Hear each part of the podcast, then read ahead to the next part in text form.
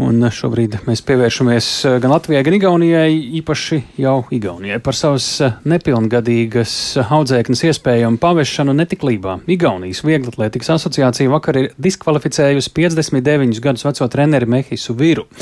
Un asociācija kopā ar Igaunijas dopingu un godīgas spēles uzraugiem lietu izmeklēja piecus mēnešus, rodot pierādījumus trenera psiholoģiskai un seksuālai vārdarbībai pret nepilngadīgu sportisti.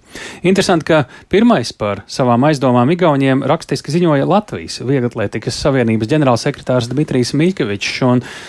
Tajā saka arī, ka sportisti un viņas vecāki savukārt uh, oficiāli ir paziņojuši, ka viņiem nav pretenziju pret treneri Viru.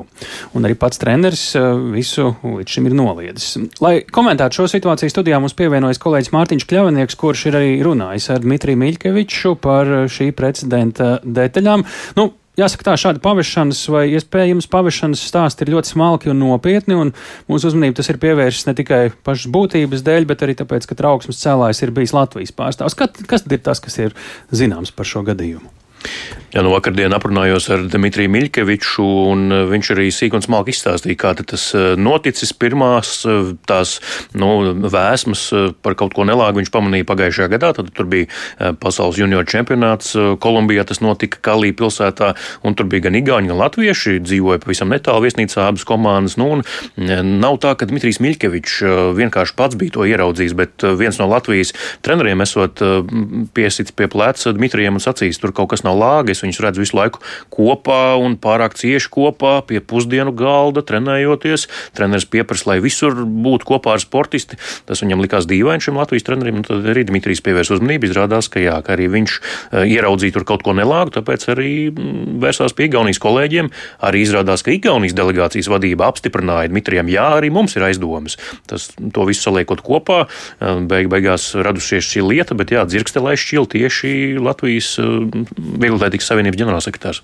Jā, nu es saprotu, ka viņas ir aprunājies un uh, ir arī viņa paša sacītais. Jā, es vairāk vērsu uzmanību uz to, kā tas uh, korelē ar uh, iespējamajiem notikumiem Latvijā. Varbūt, ka Jā. nu, kaut kā ar Igaunijas pieredzi var novērst uh, kaut kā tāda vispār notikuma, notikuma rašanos arī Latvijā.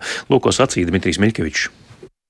Mēs arī šeit Latvijā ļoti tagad nopietni strādājam pie šīs, angļuiski saucas safeguarding, aizsardzība, jā, kā nodrošināt labo vidi visiem mūsu iesaistītiem personām, sportistiem, treneriem, apkalpošiem personālam, jo lai nav, nav šīs lietas pieļaujamas, gan, gan seksuālās vardarbības, gan bullying, ja, mobbings, ka būtu iespēja cilvēkiem par šo runāt, stāstīt, reportēt kaut kādus gadījumus. Jā, nu, šis tas arī būs tas, varbūt tas atvēršanas tā lieta, kur arī uzdrošinās varbūt arī citus skaļi par to runāt.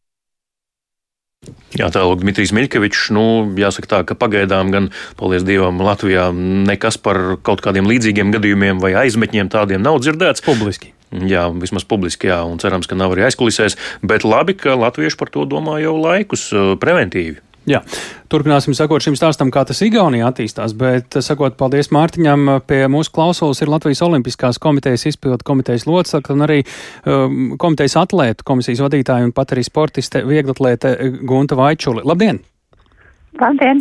Labdien. Nu, Igaunijas Vieglatlētikas asociācija, mēs lasām, piecus mēnešus ir izmeklējusi notiekošo, atklājuši arī neapstrīdams pārkāpums. Tas nozīmē, ka Latvijas Vieglatlētikas Savienības vadītāja iniciatīva ir bijusi pamatota, Kā jūs vērtējat Miļkeviča kunga iniciatīvu neklusēt par saviem vērojumiem? Nē, nu es domāju, ka uh, Dmitrijs rīkojās uh, absolūti pareizi un vispār runājot par šāda veida gadījumiem, es domāju, ka uh, labākais veids, kā tos novērst un, un preventīvi darboties, ir vienkārši visai sabiedrībai būt uh, iesaistītāji un turēt acis vaļā, varbūt nep nepārkāpjot kaut kādas robežas, bet uh, vienkārši nebūt vienaldzīgiem, tad, kad ir kaut kas aizdomīgs un uh, sevišķi runājot par nepilngadīgām personām, tad uh, viennozīmīgi ir jārīkojas saprātīgi, un uh, uh, Dimitrijs, manuprāt, rīkojās pareizi, vienkārši, nu, tā varbūt ne tik oficiāli, bet tomēr painteresējoties, pajautājot, mhm. varbūt uh, neuzbrūkot tieši šajā konkrētā situācijā, tā kā neiesaistoties uh, uzreiz kaut kādā konfliktā, vienkārši uh, pievēršot liekot pievērst uzmanību nu, tām personām, kuras varbūt vairāk ir pietuvinātas šai situācijai. Jā, kolēģis Mārtiņš arī teica, ka Latvijas sportā par šo pagaidām vismaz skaļi nav nekas dzirdams. Vai tas, ka mēs nedzirdam par to, nozīmē, ka problēmas nav, vai arī vienkārši mēs par to nerunājam? Es domāju, tā vienkārši ir diezgan sensitīva tēma, un tāpēc varbūt par to arī nerunā. Arī gadījumos, kad diemžēl tas eh, notiek vai, vai ir noticis vai varētu notikt. Bet, uh, nu jā, prevencija ir labākā aizsardzība un vienkārši kaut vai, kaut vai tas, ka mēs šodien radio par to runājam, tas jau ir labi, bet nu, tas ir jāiedzīvina gan treneru vidū, varbūt kaut kādos izglītojošos semināros vai, vai uh, vai kursos, un tāpat arī par to jārunā ar sportistiem, par to jārunā ar sportistu vecākiem, kas ir ļoti svarīgi, sevišķi laikā, kad, eh, kad viņi ir nepilngadīgi un viņa personība tikai veidojās. Un uh, vispār rūpēties par to, lai sportistam ir plašāks redzesloks, lai viņš nav vienā šādās attiecībās tikai ar treneri un lai intereses neaprobežojas tikai ar sportu, lai viņam ir uh, daudz cilvēku apkārt un uh, vairāk ar ko komunicēt. Kā jūs vērtējat, vai šobrīd Latvijas sportistiem ir pietiekami daudz un sportistiem zināšanu un vecākiem par to, kur vērsties šādos gadījumos? Varbūt arī jūsu vadītajā atlētu komisijā vai policijā vai kā citādi pietiek šīs informācijas, jūsuprāt, šobrīd?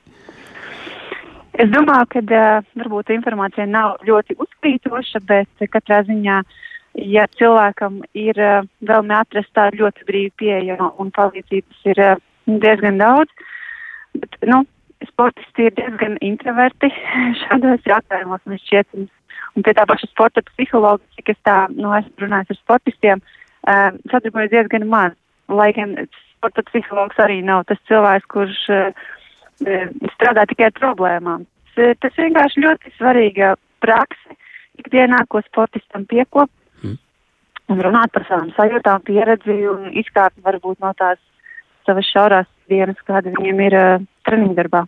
Vai arī stāstiet mums, žurnālistiem, ja nevēlaties paši no. par to skaļi runāt, taiskaitā.